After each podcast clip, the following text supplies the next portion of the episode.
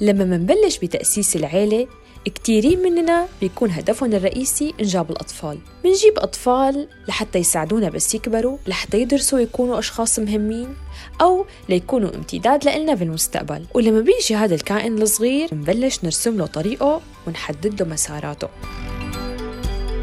قول هيك لخالة ولا تقول هيك لعمه دروس هذه المادة ولا تدرس هاي المادة شو يبلش يختار بالمدرسة وكيف يكون طريقه بالجامعة؟ هذا الاختصاص منيح وهذا مو منيح تزوجي فلان ولا تتزوج فلانة جيب العدد الفلاني من الأولاد وهيك قول وهيك لا تقول هيك اعمل وهيك لا تعمل. فجأة منلاقي إنه نحن بنينا شخص عنده ضعف شخصية. وبيبلشوا الأهل بعد ما يوعوا على خطأهم بيندموا وبيبلشوا يفكروا ليش هيك طلع ابني؟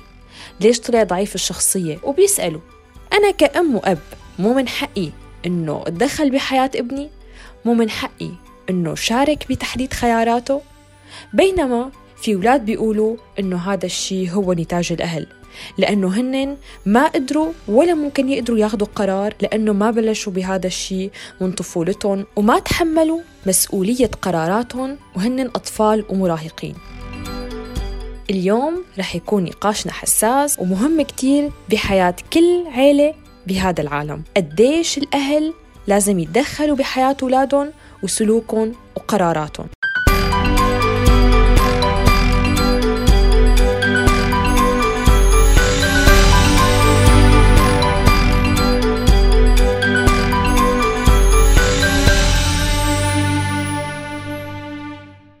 وسهلا فيكم مستمعينا بحلقة جديدة من بودكاست الشلة. اليوم موضوعنا عن العائلة والأهل بشكل خاص. وخليني بلش معك نجوى بالمفهوم العام. قديش الأهل إلهم دور بحياة أولادهم. بالواقع رنيم الأهل لهم تأثير كتير كبير بحياة أولادهم. الأولاد بيتأثروا بأهلهم وبقلدون بكتير أشياء بطريقة كلامهم بطريقة مشيهم بطريقة تفكيرهم. والأهل كمان بيأثروا على الأولاد باختياراتهم بتوجهاتهم حتى باختياراتهم لمجال حياتهم ودراستهم بالمستقبل. وكمان الأهل بيأثروا على الأطفال حتى بطريقة تعبيرهم عن نفسهم وبطريقة فرحهم وزعلهم واختياراتهم بالحياة بشكل عام. علم ولدك قله لولدك لا تصدق شاطر ما بيموت.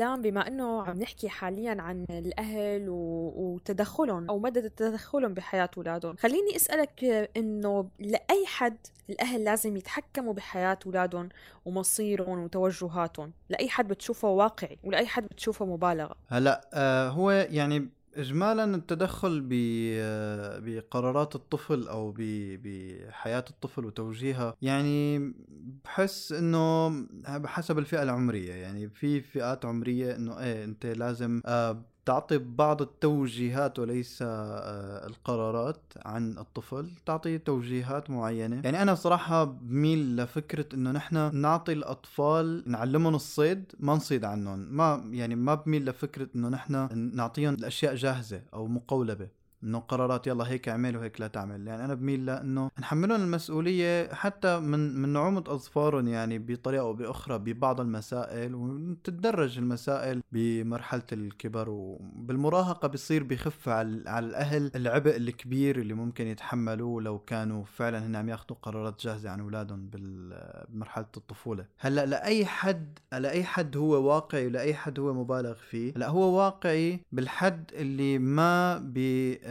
ما بيأثر على حرية أو استقلالية الطفل أو بناء شخصيته. آه، ولكن يعتبر مبالغة لما يتجاوز هذا الموضوع لحتى يلغي الطفل يلغي شخصيته آه، يكبته. آه، يبعده عن مجتمعه يبعده عن حتى عن حاله. يعني ممكن إنه ما يكتشف حاله إلا متأخر ما يعرف والله شو موهبته شو بده من الحياة شو هوايته.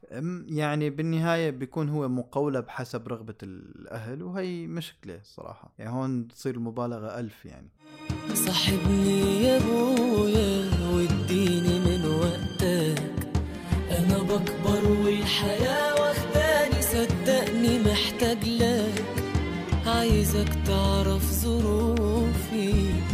وتفهم مشاكلي. أنا بكبر والحياة واخداني مش أنا برضو ابنك. امي عايشة لوحدها محتاجة حضنك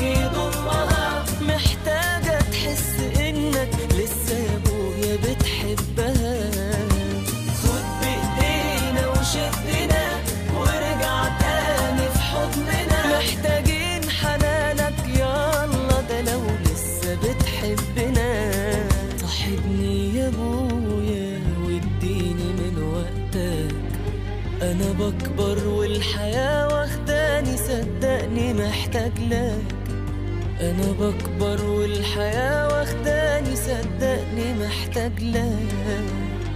صاحبني يا ابويا يا جماعة ومثل ما لكم متعودين إنه نحن عنا سبع أسئلة لأعضاء الشلة بس اليوم رح يكون في شيء استثنائي. بما إنه زينب آه عم تصيف ونحن قاعدين هون عم نسجل الحلقة فهي قررت إنه تشاركنا جواب السؤال على الواتساب. فهي ما رح تكون معنا بفقرة النقاش ولكن آه رح تكون معنا بس بالسؤال طيب بما إنه عم نحكي زينب عن الحرية وقديش الأهل بيتدخلوا بحياة أولادهم خليني أسألك إنه بمجتمعنا الشرقي عندنا مفهوم إنه المراهقين والأطفال نحن ما لازم نخليهم ياخذوا قرار آه لازم نحن نقرر عنهم هن أشخاص غير مسؤولين بشكل أو بآخر. آه انت شو رأيك بهذا الموضوع؟ كيف بتشوفي هذا الشيء؟ وقديش الأهل لازم إنه يضبطوا آه حرية أولادهم بهذا العمر؟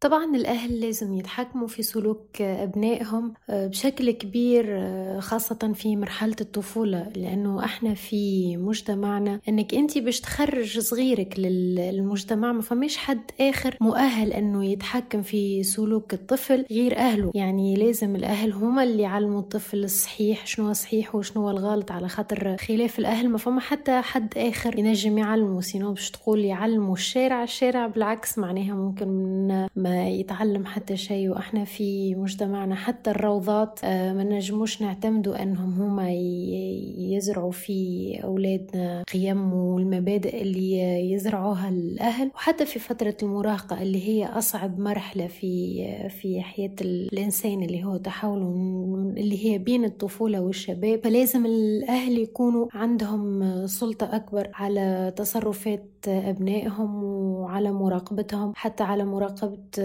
أصدقائهم شكون يخالطوا مع شكون يحكيوا باش ما يذيعوش باش ما يدخلوش في متاهات أخرى خصوصي تو مع كثرة ال- الجرائم اللي قاعدة تصير. يعني لازم الأهل يكونوا حريصين أكثر على أنهم هما اللي حدوا سلوك أبنائهم في مجتمعنا. لو حقيقي صحيح وما خدتش مني المفاتيح.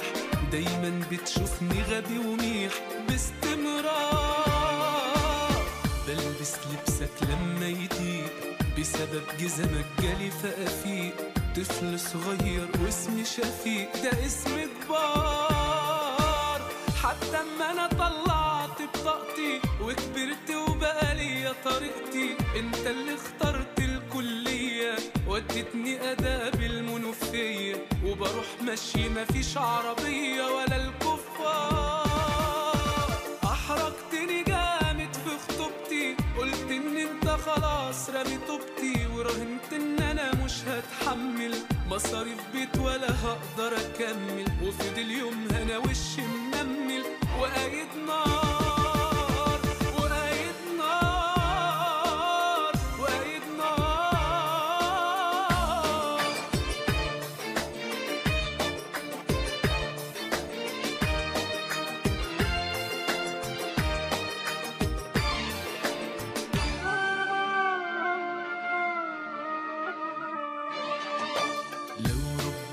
حقيقي صحيح وما خدتش مني المفاتيح.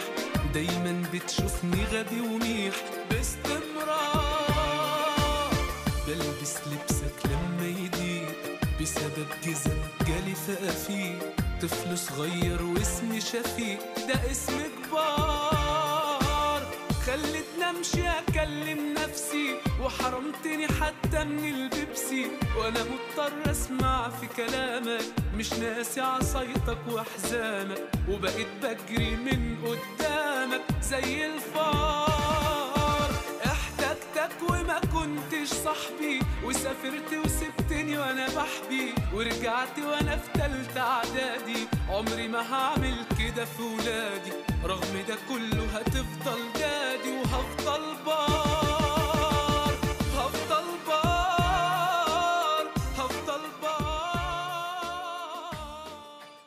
ديانا بما إنه نحن هلأ عم نحكي كمان لساتنا عن المجتمع الشرقي إنه خاصة الناس اللي سافرت صار عندها آه، فكرة إنه الأهل لازم يحدوا شوي من دورهم بالتدخل يعني إنه يخلوا أولادهم يقرروا لحالهم آه، إنه نكون شوي مثلنا مثل المجتمعات الغربية يعني ما نبالغ بفكرة الأهل اللي بيتحكموا بحياة أولادهم.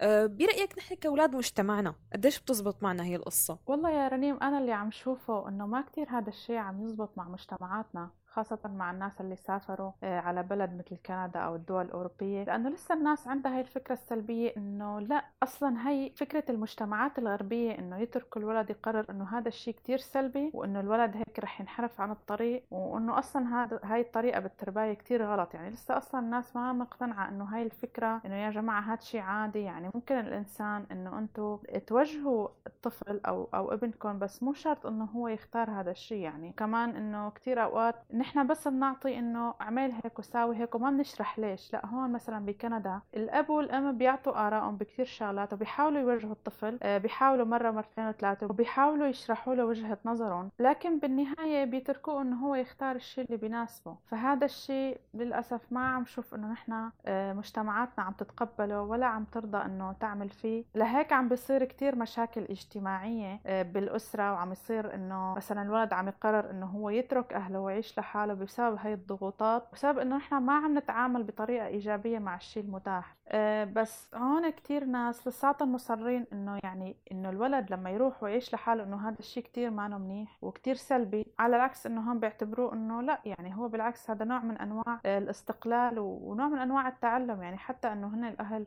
أحيانا بيقولوا لأبنهم إنه يعيش لحاله لما بيشوفوه إنه هو إنسان متكل ما عم يعتمد لحاله فبيقولوا له إنه روح عيش لحالك روح جرب الحياة كيف. اشتغل وشوف كيف إنه أنت المصاري كيف المصروف كيف الحياة هي بتكون واستكشف يعني وشوف إنه شو أنت الخيارات اللي بدك تعملها بدك تدرس بدك تساوي أي شيء. فللأسف إنه نحن كتير عم نتعاطى مع الموضوع بسلبية.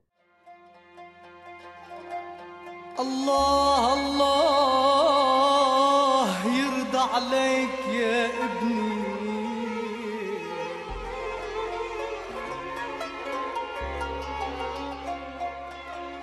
ظهري انكسر والهم دوبني. خود ليلى بنت ضيعتنا بترتاح معها وما بتتعبني. الله يرضى عليك.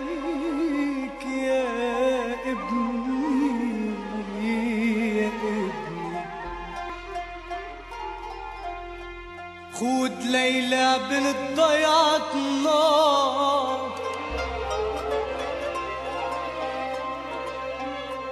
بنت عيلي مثل عيلتنا.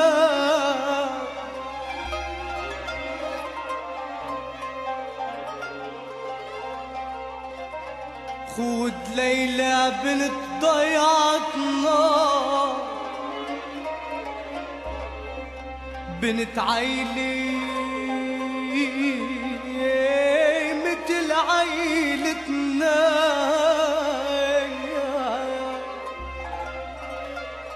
يا ابني خود ليلى بنت ضيعتنا بنت عيلي مثل عيلتنا.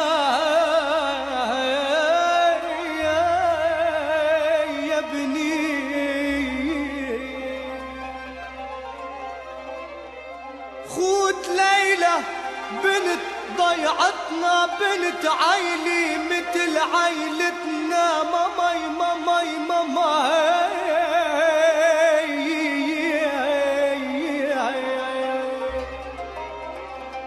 بتعيش يا بنت مثل عيشتنا اسمع مني ولا تجاوبني الله يرضى عليك.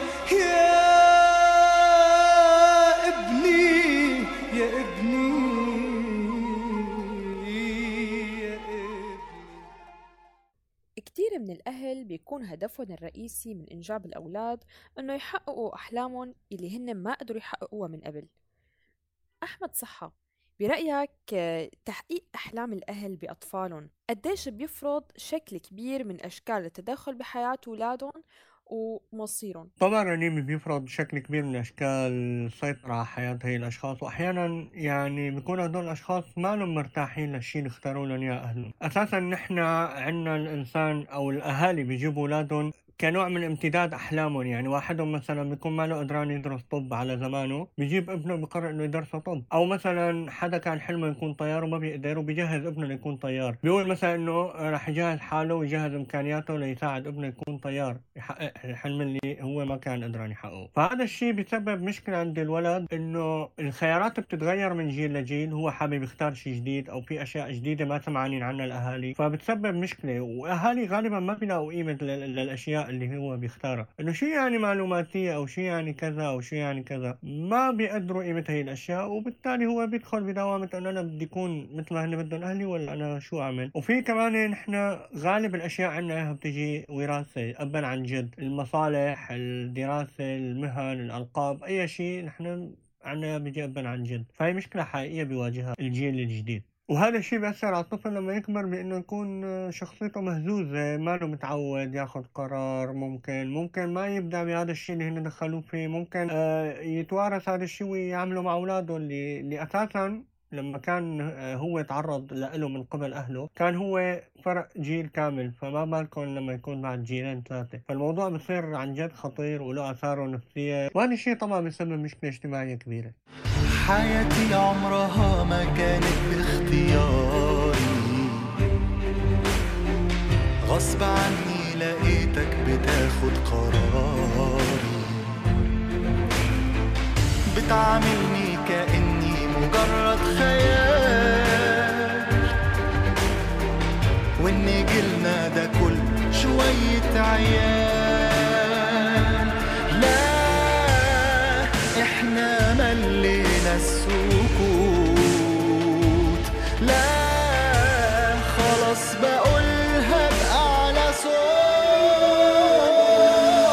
اسمعني انت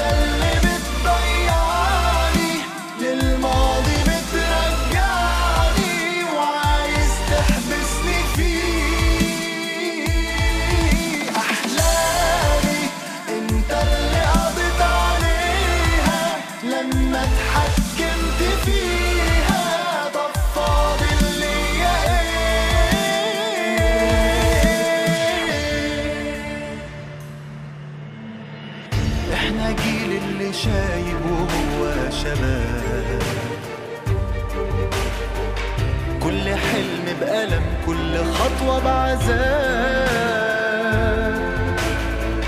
شلنا هم الحياة دقنا مر السنين. لا وعايزيننا برضو نعيش مذلولين. لا كلمة واحدة هقولها.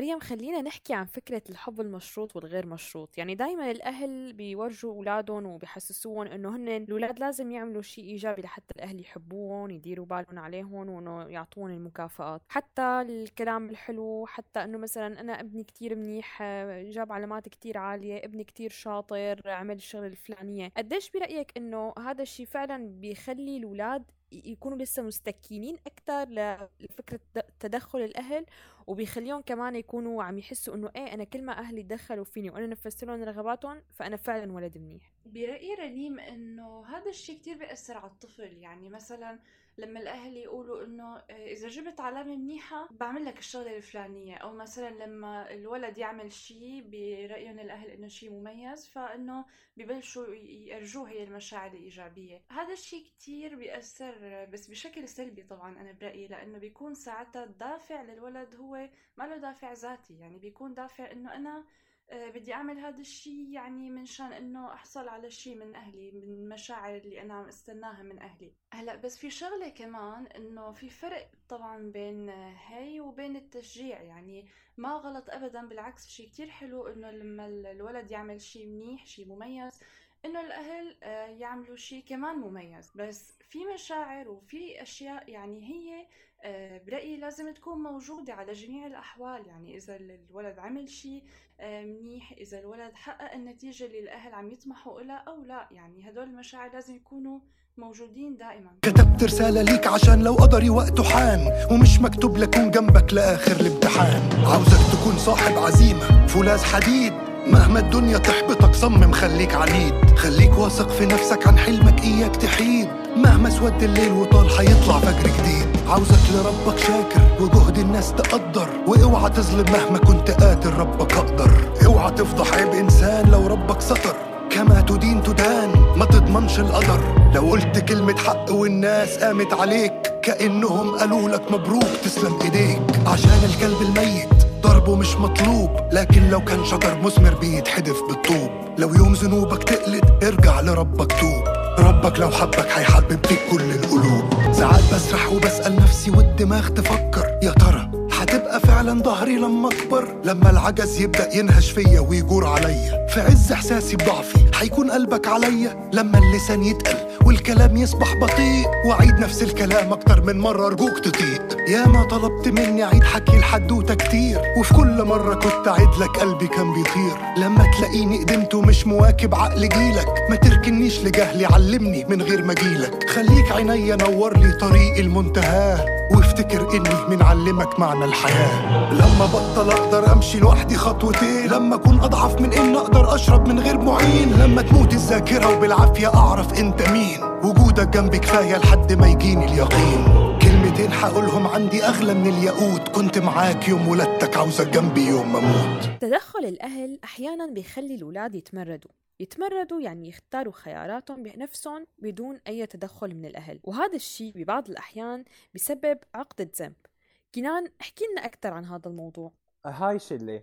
الحقيقة موضوع عقدة الذنب هذا ناشئ عن عدة أمور يعني. وأولها آه، العامل الديني. العامل الديني يلي بيرسخ فكرة الطاعة للأهل وفكرة بر الوالدين اللي هي ما فكرة غلط بالضرورة ولكن الأهل عبر العصور عم يستخدموا هاي الفكرة بطريقة جدا خاطئة لدرجة إنه الشخص عم يتم التحكم فيه من قبل أهله بطريقة جدا ديكتاتورية. يعني أنت إذا ما بتدرس الفرع اللي بدك إياه أه وبتدرس الفرع اللي بدهم إياه أهلك فأنت بتكون عم ترضيهم عم تبرهم. بينما إذا درست الشيء اللي أنت بدك إياه بغض النظر عن رأي أهلك فأنت إنسان عاق. وهي الفكرة كتير كتير بتأثر عن جميع الأشخاص سواء كانوا متدينين بشكل كبير أو غير متدينين بشكل كبير. آه طب كنان ف... بس بدي أسألك يعني إنه هون أنت ما بتشوف إنه هاي الفكرة شوي مبالغ فيها؟ يعني ما بتشوف إنه في يعني هي يمكن عقدة الذنب تكون أكثر بإطار إنه أنا ما قدرت أحقق أحلام أهلي أنا طلعت مو مثل ما أهلي بيحلموا. هذا الباب الثاني اللي كنت بدي أحكي فيه. الفكرة الثانية اللي هي فكرة إنه الإنسان يحس حاله مسؤول عن شيء هو ما له علاقة فيه. يعني أنا مو مسؤوليتي كشخص إني أعمل الشيء اللي بدهم يا أهلي أو الحلم اللي أهلي بدهم إياه. بغض النظر إذا كانت آه، هاي الشغلة جيدة أو مناسبة لي أو غير مناسبة بس ولكن الأهل من صغر الطفل أنت بدك تطلع دكتور أو أنت لازم تجيب دائما علامات عالية وتتفوق على ابن خالتك أو ابن عمتك أو رفيقك أو رفيقتك اللي أو زميلك أو زميلتك اللي موجودة بالصف. اللي هي ما أنا أحسن منك اللي نحن عم نتعب عليك اللي نحن عم نعمل. الأهل ما عم يفهموا إنه ابنك هو ما استثمار لك أنت عم تتعب عليه لأنك أنت جبته لهي الحياة وأنت المضطر إنك تعمل الشغلات اللي لازم تعمل له إياها. شغلة ثانية آه، النظام التعليمي. يعني أنا مثلا آه، فكرة إنه الأستاذ وقت يوقف طالب ويقرعه قدام أصدقائه إنه يا فلان أهلك عم يدفعوا عليك بلاوي بقرة جحي ليش أنت مثلا حمار وطلطميس وما بتفهم مثلا؟ هاي كمان شغلة بتخلي الإنسان يحس بعقده ذنب إنه معقول أنا ماني عم بقدر إني أعمل الشيء اللي أهلي بدهم إياه؟ هذا الشيء بيخلي الإنسان يكون بوضع إيه، سيء جدا لأنه في فرق ما بين إنه الإنسان يكون مهمل مثلا وما بين إنه يكون إمكانياته هي هي. الله عليك يا كنان والله جا عبالي نعمل كرت جديد نسميه اتفق يلا يلا على النقاش يا جماعة. اختلافاتنا كبيرة وآرائنا كتيرة وبنقاش شلتنا رح نكمل السيرة. وبنقاش شلتنا رح نكمل الاكشن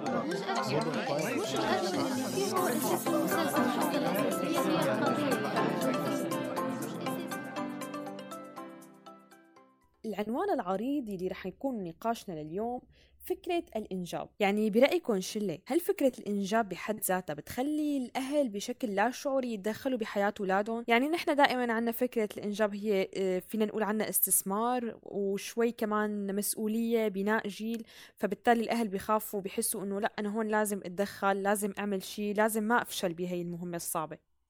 هلأ رنيم فعليا آه، إيه هو آه، دائما نحن عنا في في نظرتين. في نظرة الاستثمار إنه هذا بس يكبر بيعيني آه لكبرتي لكذا. هي النظرة اللي خلينا نقول أقصر شيء. يعني إذا ما كان والله هذا الشخص عم يحلم يعمله دكتور ولا مهندس ولا طيار ولا فضائي ولا شو بعرفني بيكون الهدف إنه إيه لكبرتك إيه بيكون معك إيه بيأنس وحدتك تكبروا سوا. من هاي المقولات اللي الشائعة فهو يعني بطريقة أو بأخرى إيه استثمار.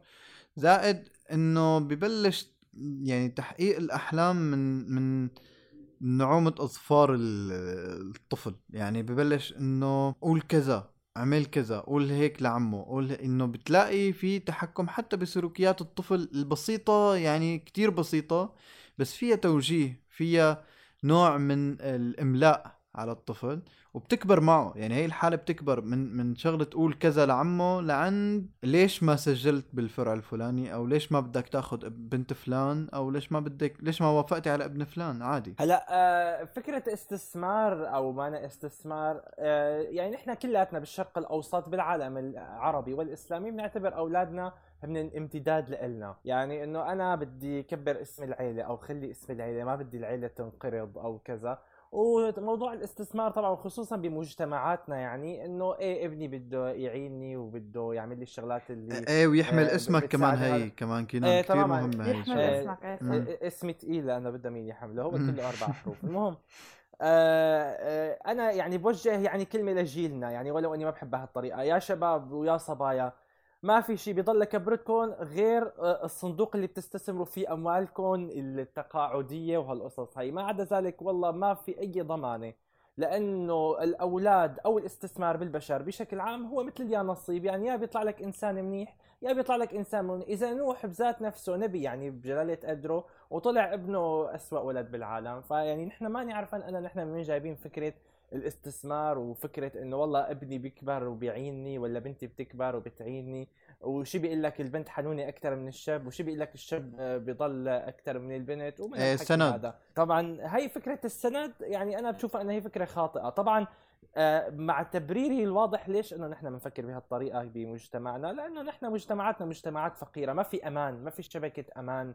اقتصادية اجتماعية وكذا فالواحد بكتر بقى وببلش يجيب أولاد مشان إنه يضمنوا له حياة كريمة بالمستقبل. إيه تماما أنا متفق مع أحمد وكنان وخاصة بالأسباب آه ليش الناس بتعتبر الإنجاب هو استثمار. هلأ المشكلة إنه هذا الاستثمار آه، مفروغ منه يعني كل الوطن العربي بيعتبر الإنجاب هو استثمار بس المشكلة إنه هذا الشيء بضر الأهالي كمان لأنه آه بيخليهم ينهكوا حالهم يتعبوا يفنوا حالهم على أمل هذا الاستثمار. بتلاقي الأب فنى حاله فنى جسده وصل عمره ال 55 ولا 60 وهو بصحة آه، ضعيفة جدا. وبيقول لك إنه هي اللحظة اللي صار وقت ابني يعيني فيها. بكون هو شاب ابنه عمر 25 ولا 30 سنة بيقعد الوقت اللي حابب يعيش حياته حابب يكون آه، بوضع مختلف. لو لو الأب بالبداية ما أنهك حاله واستهلك كل صحته لحتى يستثمر بابنه هذا الاستثمار كان ممكن يكون علاقة مرضية للطرفين أكثر لأنه نحن بالوطن العربي دائما عندنا هي المشكلة. أو حتى أحمد ممكن يكون الشاب عم عم يكافح. ممكن يكون الشاب اللي عمره 25 و30 لسه عم يكافح لحتى يلاقي شغل ولا يلاقي وظيفة أصلا لسه هو ولا إيه ما أسس ما طبعا أحيانا. أحيانا الشباب هذول بيتنازلوا عن كثير من أحلامهم وطموحاتهم بإنه أبهاتهم أو أمهاتهم مريضين بهذا العمر. بينما إنه لا يعني ما لازم يكون عندهم هي النظرة الاستثمارية أصلا. أنا بتفق مع كنان بالنقطة اللي حكى عنها آه، تبع الأمان الاقتصادي وإنه وضع البلد إنه إيه فعلا يعني مية بالمية هذا الكلام صحيح لأنه أصلا نحن عنا الواحد لما يكبر بالوطن العربي آه، ما عنده مثلا آه، غير إنه طبعا راتب التقاعد للموظفين إنه مثلا ضمان اجتماعي رعاية صحية ممكن نوعا ما مجانية بيوت رعاية اللي هي هم بيسموها نيرس هوم يعني اللي بيكونوا كتير كتير مريضين في بيت للمسنين وبتكون في ممرضات بتعتني فيهم يعني اللي عندهم أمراض معينة. يعني هلأ هلأ هم مثلا بكندا آه، ما بشوف إنه الأهل يعني أبدا ما عم يستنوا أولادهم. يعني كتير بشوفهم ناس كبار بالعمر آه، إنه عايشين لحالهم ومستقلين آه، عايشين على يا إما مساعدات الحكومة أو إنه مثلا إذا كانوا يشتغلوا على التقاعد وهيك أمور وعلى الضمان الصحي والاجتماعي. آه، غير هيك إنه نحن شفنا الصراحة النتائج السلبية من وراء إنه أول شيء إنه الأهل بيكونوا معتمدين على موضوع الإعانة من الولد لما يكبر. شفنا شو صار مشاكل اجتماعية من قعدة الأهل مع الابن مثلا. يعني مثلا مثال لما الابن يتزوج ويضطر إنه مثلا أهله يقعدوا معه لحتى هو يعيلهم ماديا ومعنويا أو يهتم فيهم. كتير الصراحة سببت مشاكل اجتماعية ما يخص حياة الولد نفسه لأنه هو كمان عنده حياة مستقلة وعنده زوجة وعنده أولاد. plus إنه عليه صار عبء أهله إنه كبروا وهيك. لا ومو بس هيك ديانا كمان في شغلة كثير الناس بت بتحطها بعين الاعتبار يعني إنه آه يعني بيصير الواحد يعني خصوصا الأهل اللي بيصير في عندهم أمراض كثيره يعني مم. بيصير الواحد يقول يعني يعني الله يخلي الأهل الجميع بس إنه بيصير الواحد يقول إنه والله يعني بي بي حتى لو بيقولها بقلبه إنه ما ما بيصدق إمتى أهله يعني يروحوا ويموتوا أو كذا. مشان يخلص من قصة إنه والله اليوم بدي أروح لعند أمي بكرة أنت دوركم أنا اليوم دوري أنت لا مو دورك هلأ عرفت شلون؟ يعني الاهل حتى يعني أنا والله سمعان مليون قصة من هالقصص من آم آه الناس اللي حوالينا معارف أو كذا أو حتى بالمسلسلات يعني بتلاقي إنه الأولاد بيتخانقوا إنه والله مين بده يخدم؟ إيه بس يعني. يا جماعة يعني هم ما شفتوا إنه صار في مبالغة يعني بالطرح إنه بالنهاية لا يعني نحن صرنا عم نطرح فكرة بعيدة عن الحلقة يعني خلونا نحكي أكثر عن موضوع يعني تدخل الأهل بحياة اولادهم واستثمارهم فيهم بعيدا عن مو بس ما فكرة هذا هو الاستثمار موضوع الاستثمار ما هذا تماماً. ما هو الاستثمار من للكبار يعني ما هو الاستثمار للكبار. يجيب يعني ولد بس يجيب نحكي حتى على تاني. الأحلام يا جماعة يعني في ناس تستثمر بالأحلام أو بفكرة تنشئة جيل أنا بدي يطلع ابني بشيء معين يعني في بعدين في فكرة كمان بتقول إنه أنا بدي يكون ابني نسخة عني نسخة عني يعني قصدهم إنه الأهل يمكن بيكونوا حابين يطلعوا ابنهم أخلاقيا فكريا آه، ممكن إنه يكون إيه هذا- يعني مثلا محور للولد إنه تاني، أنت ليش. هيك طلعت؟ أهلك ما طلعوا هيك مثلا آه، هذا محور ثاني. هلا هذا هذا محور ثاني تماما. هو الفكرة ننتقل لهي الفكرة. تماما هي. هذا شيء ثاني لأنه فعلا الإنسان بده يورث ابنه كل شيء يعني بده يورث مني صنعتي ممكن بده يورث مني طريقة تفكيري آه، طريقة آه، يعني كذا يعني أول أول كلمة الأهل بيقولوا لأولادهم والله طلعت أنا غير ما توقعتك أو مو هذا هو طلبي يعني خيبت ظني. في ناس بتقول خيبت ظني. إنه ما هو ابنك الطبيعي يطلع نسخة ثانية عنك. يعني ليش أنت كنت نسخة عن أبوك؟ أو مثلا أنت كنت نسخة عن والدتك أو كذا. ما هو الفكرة إنه الإنسان بالنهاية هو وخصوصا بهذا الوضع وبهذا الزمن هذا يعني الواحد بيعلم ابنه شيء بيكتشف إنه ابنه رأيه بالحياة مختلف 180 درجة عن ما آه، تعلم والشغلات اللي هو انشئ فيها. زائد إنه يا جماعة يعني في في نقطة آه كتير كتير مهم نحكي فيها اللي هو إنه طريقة تعاطي الأجيال سابقا مع مع الأطفال آه مختلفة عن الوقت الحالي. يعني اليوم لما يكون مثلا الولد خلقان بمرحلة التسعينات أو الثمانينات أو السبعينات أو الستينات كل مرحلة من هي المراحل آه، بيكون طريقة تعاطي الأهل معها بطريقة مختلفة نوعا ما باتجاه باتجاه التوجيه أو ال- أو بناء الأحلام. بس اليوم أنت لما يجيك طفل مثلا ب ب من بعد مواليد ال 2000 أو من 2000 2010 خلينا نقول نحن جيلنا يعني هلأ إذا نحن حدا فينا بيجيب ولد آه، ما رح يقدر يتعامل قصدك لا- جيل قصدك جيل نحن الدولة ولا؟ أيوه بالضبط. لا لا حتى اللي بعدهم يعني هلأ هلأ أنت إذا تزوجت وجبت ولد مثلا ما راح تقدر أصلا تفكر بموضوع الأحلام لأنه أصلا أنت ما حققت أحلامك لأن نحن كجيل نحن كجيل أحلامه عم يا آه، عم تجي بالتقسيط أو راحت أصلا يعني ما. ما إجانا موضوع لا أحلامنا ولا أحلام أهالينا قدرنا قدرنا نسيطر عليها ما هو أو, أو, هون أو نحصل الفكرة. عليها ما هي هي الفكرة. هذا اللي بيخلي الإنسان يفكر. ب- من الإحباط اللي بيعانيه آه، أبو شريك آه، بيخلي الواحد يعني إنه يقول إيه خلاص أنا بستثمر بابني وابني بيعمل اللي بده إياه. يعني مثل فكرة إنه أنا هلأ مثلا بدولة متقدمة ممكن أفكر إنه لأ ابني لازم يدخل جامعة محترمة آه، بما إنه أنا ما أحسن مثلا نكمل تعليمي ولا كذا. في كثير ناس على فكرة بتفكر بهي الطريقة. لأنه الإحباط اللي نحن عانينا منه آه، بسبب ضياع أحلام كثير من شريحة مش يعني شريحتنا العمرية. آه بتخلي الإنسان يفكر بهالطريقة أكثر من غيره برأيي. لا لا أنا ما بتفق. أنا ما بتفق بشوف إنه في كتير ناس كمان بيفكروا هيك من ال- اللي مثلا بيسافروا على على بلد تاني حتى يعني مو بس من هاي الشريحة العمرية يعني حتى الأهل اللي هلأ هن أهل بيقولوا إنه يعني أنت شو ناقصك؟ إنه ليش ما تعمل اللي أنا كان بدي أعمله؟ أو ليش ما يعني بيحطوا للواحد ستاندرد ولازم يمشي عليه وإنه يعني هو إذا ما مشي عليه مشكلة. خاصة موضوع الدراسة يعني عن جد هذا موضوع الدراسة كتير موضوع آه، يعني عم بيكون هيك شوي معقد. إنه هلأ أنتم شو ناقصكم ليش ما تدرس يا فلان؟ يعني أنت شو عم تساوي؟ إنه يعني موضوع الدراسة ما بعرف ليش نحن عنا آه، بنركز عليه بشكل فظيع. إنه أوكي الدراسة أكيد شيء مهم بس إنه هي ما كل شيء بالحياة يعني. أنا لما كنت بعمرك كنت أدرس على الشمعة. بس يعني خلونا نحن نحن نرجع لفكرة إنه آه، تدخل الاهل باولادهم يعني إنه نحن هون عم نحكي عن فكرة إنه أهل عم يجيبوا أولاد على هذا العالم. إنه هن يمكن حابين إنه آه، يكون أولادهم غير هيك. يعني هدول الأهل اللي تعبوا سنين وسنين. آه، خلينا يعني نحكي بمفهوم الأهل بالنهاية. انه هدول الأهل اللي تعبوا كل هي السنين من حقهم يشوفوا نتاج تعبهم بالطريقة اللي هن بيحلموا فيها. يعني هلأ بلاقي- ننكر هذا الحق بس أنت جايبة يعني إنسان هلأ أنا بشوف إنه الأهل عندهم الحق إنه يكون ابنهم على الأقل آه، ضمن حدود معينة مثل ما هن بيتمنوا. بس هن كمان لازم يتقبلوا الاختلاف يعني ما يكون الولد هو عبارة عن آه، قطعة معجونة شكلوها تماما مثل ما هن بدهم.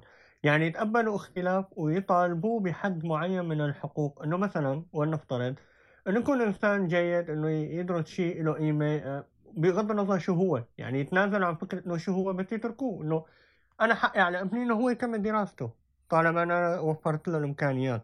أنا بشوف إنه الصبايا والشباب عم يتطرفوا شوي برأيهم. بالنهاية الأهل إلهم حق على أولادهم إلهم حق تربيتهم وتنميتهم وتنشئتهم تنشئة حسنة. بالمقابل الأولاد مطالبين ببر الوالدين ومطالبين بإنهم هن يرعوهم بكبرهم ويكونوا جنبهم وسندهم بوقت الحاجة إلهم كمان. طيب خلونا نحكي عن فكرة إنه لما الأهل فجأة بيقرروا إنه ابنهم كبر خلص هذا الولد صار لازم ياخد قرار لحاله ويكون إنسان مستقل وبيتفاجئوا إنه ابنهم ما شخص مستقل ولازم يسألهم بكل شغلة فهون الأهل آه، بيصير عندهم خيبة أمل إنه ليش ابننا طلع هيك؟ والله يا رنيم لك شغلة يعني هون هون إنه وضعية الأهل بالضبط هون بوضعية الأهل بالضبط بتعرفي هداك المؤثر الصوتي اللي بنسمعه بالأفلام الكرتون أو بالمقاطع الكوميدية تبع بالضبط هون هيك هي هي هي هي بتعبر عنهم تماما. هن بيلغوه من من لما كان طفل وبيكملوا بإلغائه بالمراهقة و... وفي منهم آه، بيكون في تعنيف جسدي واحيانا صراخ ويلا اعمل ولا تعمل وشيل لا تشيل. بيجوا عند مواقف حساسة مثلا بموضوع شغل ولا بموضوع زواج ولا أي موضوع تاني بيطلبوا منه إنه لا أنت لازم أنت هلأ صرت زلمة أنت هلأ صرت كبير أنت هلأ لازم تاخذ قرار. أنا بعتبرك إيه، رجال البيت. يعني الشغلة معك بالحجم يعني- يعني يعني هي هي فكرة أنا بعتبرك رجال ليش البيت أحمد؟ وهو نحن ايمت عنا أساسا بيقرروا إنه هو صار كبير. ما في سن. لا في في أحيانا هيك بحس بقرروا فجأة على الحجم الصراحة لك. فجأة لما يكون هو هو الشخص لما يكون معتازه يعني لما يكون معتازه لابنه مثلا بيكون مثلا الأب مسافر بيقول له آه أنت رجال البيت. وهو بيكون الولد بحياته مو شايل قليلة غاز مثلا. ف هيك والله بيصير يعني في كتير في كتير ناس هيك أو إنه آه لا ممكن يكون هو عتال البيت وممكن يكون إنه إنه يعني بيصلح كل شيء وبيعمل كل شيء ومعتمدين عليه بكل شيء بالبيت وبالقرارات المصيرية بالزواج أو هيك إنه لا أنت لازم تاخذ يعني. لازم تاخذ بنت عمك أو لازم تاخذ كذا فلانة إيه وتسمي أيوه. ابنك كذا ولما يجي يقول لهم إنه لا أو أو مثلا إنه لا وما بدي مثلا طب شو بدك؟ ما بعرف بس ما بدي هي الإنسانة. طب إنه طيب لاقي شي بنت؟ ما ماني ملاقي. طب ما أحمد هن أساسا ما مرنوا على هالشيء هو يعني تيابه ما كان يختار هاي هي- يعني. هاي هي. يعرف يختار. يعني هاي هي. عم أقول لك يعني هن ببلشوا في الغاء الغاء الغاء وهون بدهم إياه يختار. يعني فعليا إنه صوت الصرصور. هو فعلا لو الأهالي دربوا اولادهم من هن وصغار إنه مرة يختار هو مرة يختار وهن من ابتداء من ملابسهم أو أي شيء رح يكون عنده القدرة فيما بعد. إنه إيه يعني مثلا يقودوه للاختيار الصحيح بطريقة ما بس إنه ما يختاروا عنه يخلوه هو يختار. وفي بالمقابل كمان أهل بيستمتعوا بالحقيقة بأنه ابنهم اتكالي أو ابنهم ما بيقدر ياخد قرار بدونهم أو ما بيقدر يخرج يطلع عن شورهم مثل ما بيقولوا يعني. طيب شو اللي معناتها هذا الحكي كله بودينا لفكرة الأمراض النفسية اللي بتصيب ال- الأولاد بالمجتمع الأبوي اللي بيرافق الطفل والمراهق وخلينا نقول حتى الشاب كل حياته يعني و...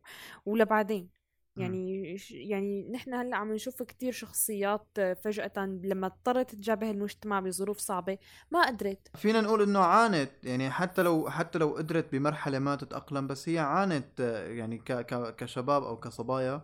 عانوا خاصة إذا اضطروا على مرحلة الاغتراب أو مرحلة الهجرة يعني إيه وإنه خاصة فجأة بصيروا الأهل الحالية. بيطالبوا أولادهم بزيادة إنه اعمل وساوي وروح شوف بالضبط. غيرك عم بيروح وشوف غيرك عمل.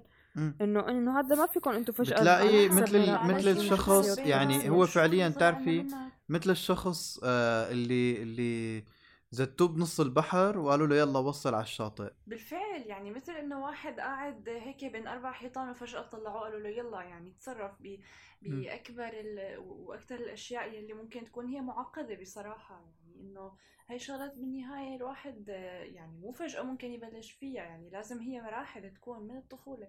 تماما لأنه أصلا بيكون اوريدي ما عنده هاي الأرضية الصلبة من الثقة من قوة الشخصية. من هاي الإرادة القوية اللي أصلا ما تأسست عنده من الطفولة لحتى أنه هو لما يكبر آه، يتخذ قرارات مصيرية أو يكون مبادر لشغلات آه، بدها قرارات بدها بدها جرأة بدها شجاعة. فهذا كله ما بيصير بيوم وليلة يعني. الحقيقة هي الشغلة عم بتصير كتير وخاصة مع البنات مع الصبايا. البنات اللي بيتربوا حسب توجيهات الأهل إنه لا تكون ست بيت ولا تكون زوجة ولا تكون أم. وبزوجوها بعمر صغير وأحيانا بهي الظروف بظروف الأزمة مثلا آه، أو بالظروف الصعبة اللي عم بتمر فيها سوريا. بجوزوا البنت بعمر صغير وفجأة بتلاقي حالها بالعشرينات أو بالثلاثينات لحالها مع ثلاث أو أربع أولاد ولا معها شهادة تقدر تشتغل وتعيل نفسها فيها ولا معها ولا بإيدها مصلحة. ومطلوب منها إنها تواجه الحياة وتكون قدها وتربي اولادها وتكون أب وأم بنفس الوقت وهي ما مؤسسة ولا م- ولا عندها أي فكرة عن هذا الشيء من قبل.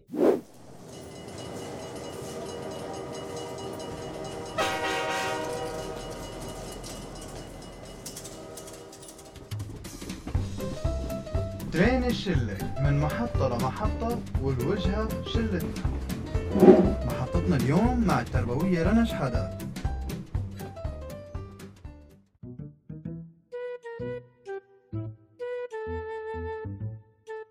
أنا رنا شحادات درست عدة تخصصات. أولها كان اللغة العربية. وأثناء دراستي للغة العربية درست الشريعة. وبعد هيك توجهت للتربية. مشرفة تربوية من تسع سنوات. وبشتغل كمان بتطوير مناهج رياض الأطفال والابتدائي. وعندي إيمان إنه المجتمعات ما رح تتغير إن ما اعتنينا بالأطفال من هن وصغار. لأنه فترة تشكل الشخصية عند الأفراد بتكون بمرحلة الطفولة المبكرة. قضيتي الأساسية هي إنه الأطفال بكل العالم يعيشوا مطمئنين وسعداء. واحدة من الأشياء يلي بتخلي الأطفال سعداء والناس كلياتهم سعداء هو شعور الإنسان بالتحرر والاستقلالية والمسؤولية. بمجتمعنا شوي هذا ما بيزبط ويمكن يمكن ما شوي يمكن كتير. ولذلك بنلاقي الأم أول ما يجيها طفل بيبي ومن كتر شعورها بالسعادة والامتنان والحب والرغبة بأنها تعبر عن حبها لهذا الطفل بنلاقيها عم بتقوم بكل مهام الطفل عنه بتطعميه بتشيله إن وقع بتلبسه بتحله مشاكله بتكتب وظايفه بتحفظ جدول ضرب عنه بتذكره يحط جراباته بالغسالة بتعمل كل الأشياء عنه لكن حقيقة هل يا ترى الطفل محتاج لهذا الشيء؟ هل هو بيشعر بالسعادة لما نحن نعمل الأشياء عنه؟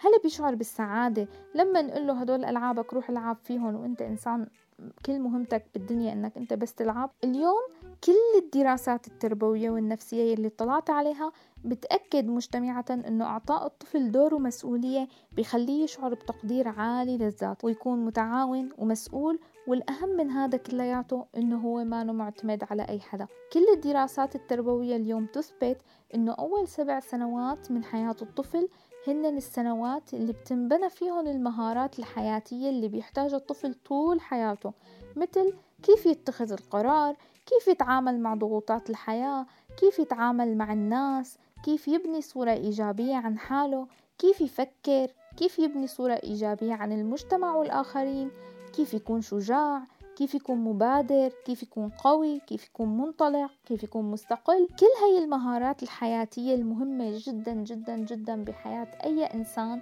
بتنبنى بفترة أول سبع سنوات من حياة الطفل.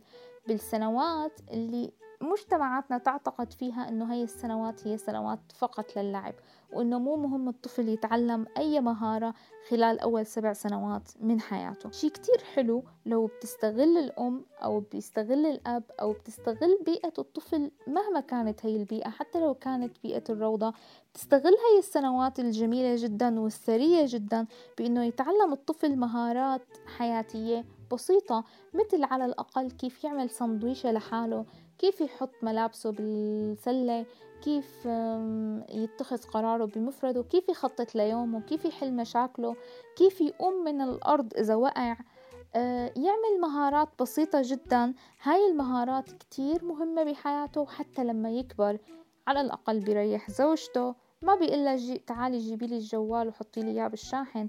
لا إنما بيكون مستقل ومتعود على إنه هو يخدم نفسه بنفسه ومتعود على الاستقلالية والمسؤولية وبالتالي هو قادر إنه يعمل هي المهام البسيطة بنفسه لأنه هو ما معتمد على أي حدا حتى من هو والطفل ما معتمد لا على أمه ولا على أخته ولا على أي حدا إنما هو متعود إنه يعمل هي الأشياء بمفرده. للحقيقة إنه هذا النوع من التعامل مع الأطفال يلي بيخلينا إنه نحن دائما نعمل كل الأشياء عنهم مثل إنه نحن نختار لهم اشيائهم نشتري لهم ملابسهم نبحث لهم عن اشيائهم المفقودة نعطيهم على طول مصاري إذا طلبوا نعفيهم من الالتزام بقوانين المنزل.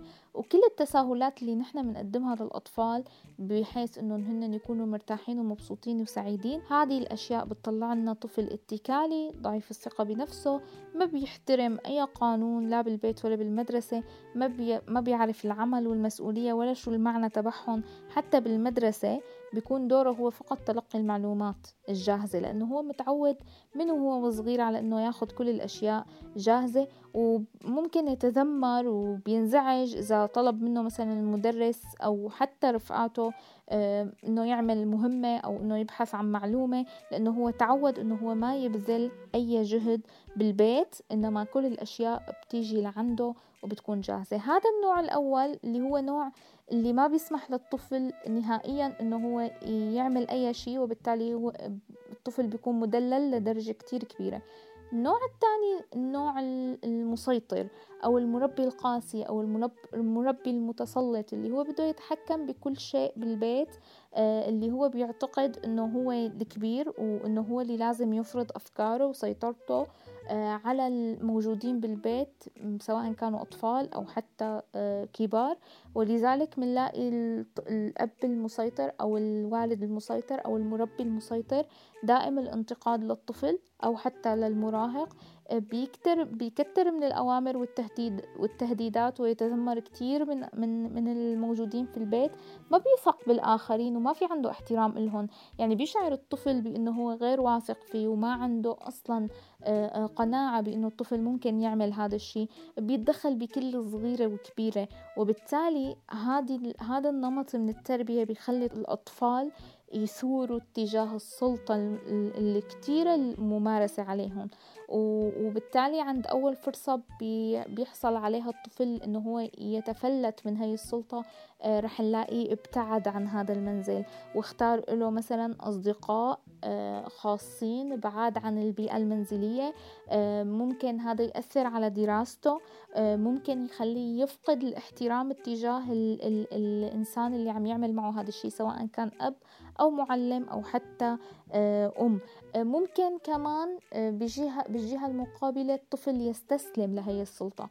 مو شرط أنه هو يتمرد عليها ممكن أنه هو يستسلم لهي السلطة وبالتالي بصير في عنده افتقار لتقدير الذات واحترام نفسه وبصير يتعلم كيف يرضي الآخرين دون دون ما يفكر بقدراته بذاته وبالشي اللي هو محتاجه. كمان من السمات اللي ممكن تظهر عند الطفل أو الابن اللي بيكون ببيئة متسلطة ومتحكمة جدا الخوف آه، ممكن يظهر عنده القلق الحزن الغضب الخجل آه، ممكن إنه هو يشعر بالنقص ممكن يصير سلبي ممكن يتوجه للتخريب وللانتقام والعدوان ممكن يصير انطوائي. في إحدى جلساتي مع شباب مراهقين آه، كنا نتحدث عن آه، السلوكيات اللي بتزعج المراهقين من أبهاتهم المتسلطين فكان آه، من الأشياء اللي طلبوها المراهقين لحد ما ليشعروا بالإطمئنان والسعادة داخل البيت أن يتحول الأب أو تتحول الأم من الوصاية إلى الرعاية. الأطفال أو الشباب كتير بيشعروا بأنه الآباء والأمهات محكمين السيطرة عليهم بشكل كتير مبالغ فيه. وإنه يتحول المربي من التهميش إلى المشاركة. بدل ما يهمش الطف... ابنه بالبيت يتحول إلى المشاركة وإنه الإنسان أو الابن يصير مشارك بقرار بالقرارات المنزلية ويكون في اجتماعات منزلية تتقرر فيها وضع العائلة من دون ما يكون هو عنصر بس يمارس عليه القرار. ويتحول المربي أيضا من التشكيل للتنمية. بدل ما أنا أتعامل مع الطفل على أنه هو عجينة أنا بشكلها مثل ما بدي إنما يكون في عندي قناعة أنه هو هذا الطفل له شخصيته وأنا أنمي هاي الشخصية وليس أشكلها. أنا ما بشكلها مثل ما أنا بدي. ويتحول أيضا المربي من المراقبة الصارمة إلى الحرية المسؤولة. بدل ما أنا آه، أشتغل مثل المراقب وضابط للوقت عند أطفالي أتحول إلى إنسان بيعلمهم على الحرية آه، لكن هي الحرية المضبوطة والمسؤولة. وبدل ما يكون هذا المربي بيزرع الخوف في الأطفال آه، يتحول إلى أنه يزرع الثقة فيهم. وبدل ما يكون آخذ دور الواعظ يجب أن يتحول إلى إنسان يأخذ دور المحاور ويستمع إلى إلى الأطفال آه، أكثر مما يسمعهم. يستمع إلى مشاعرهم وأفكارهم أكثر مما يسمعهم من المواعظ والحكم والخطب والتوجيهات والنصائح آه، وما إلى ذلك. أنا ما بستمع للبودكاست كتير آه، لكن بودكاست الشلة كان من أروع الأشياء اللي أنا تعرفت عليها مؤخرا. الصراحة المقاطع اللي أنا سمعتها كانت بتجنن بتاخذ العقل آه، ليست مجاملة إنما حقيقة فعلا. كانت من الأشياء المتميزة جدا آه، بأفكارها بطرحها بطريقة المناقشة. القريبة من القلب واللي بتحسس الإنسان بالفعل إنه هو عايش مع ناس بيشبهوه ما الناس من المريخ. أنا أتمنى لكم كل التوفيق يا رب وإن شاء الله يا رب من تميز إلى آخر.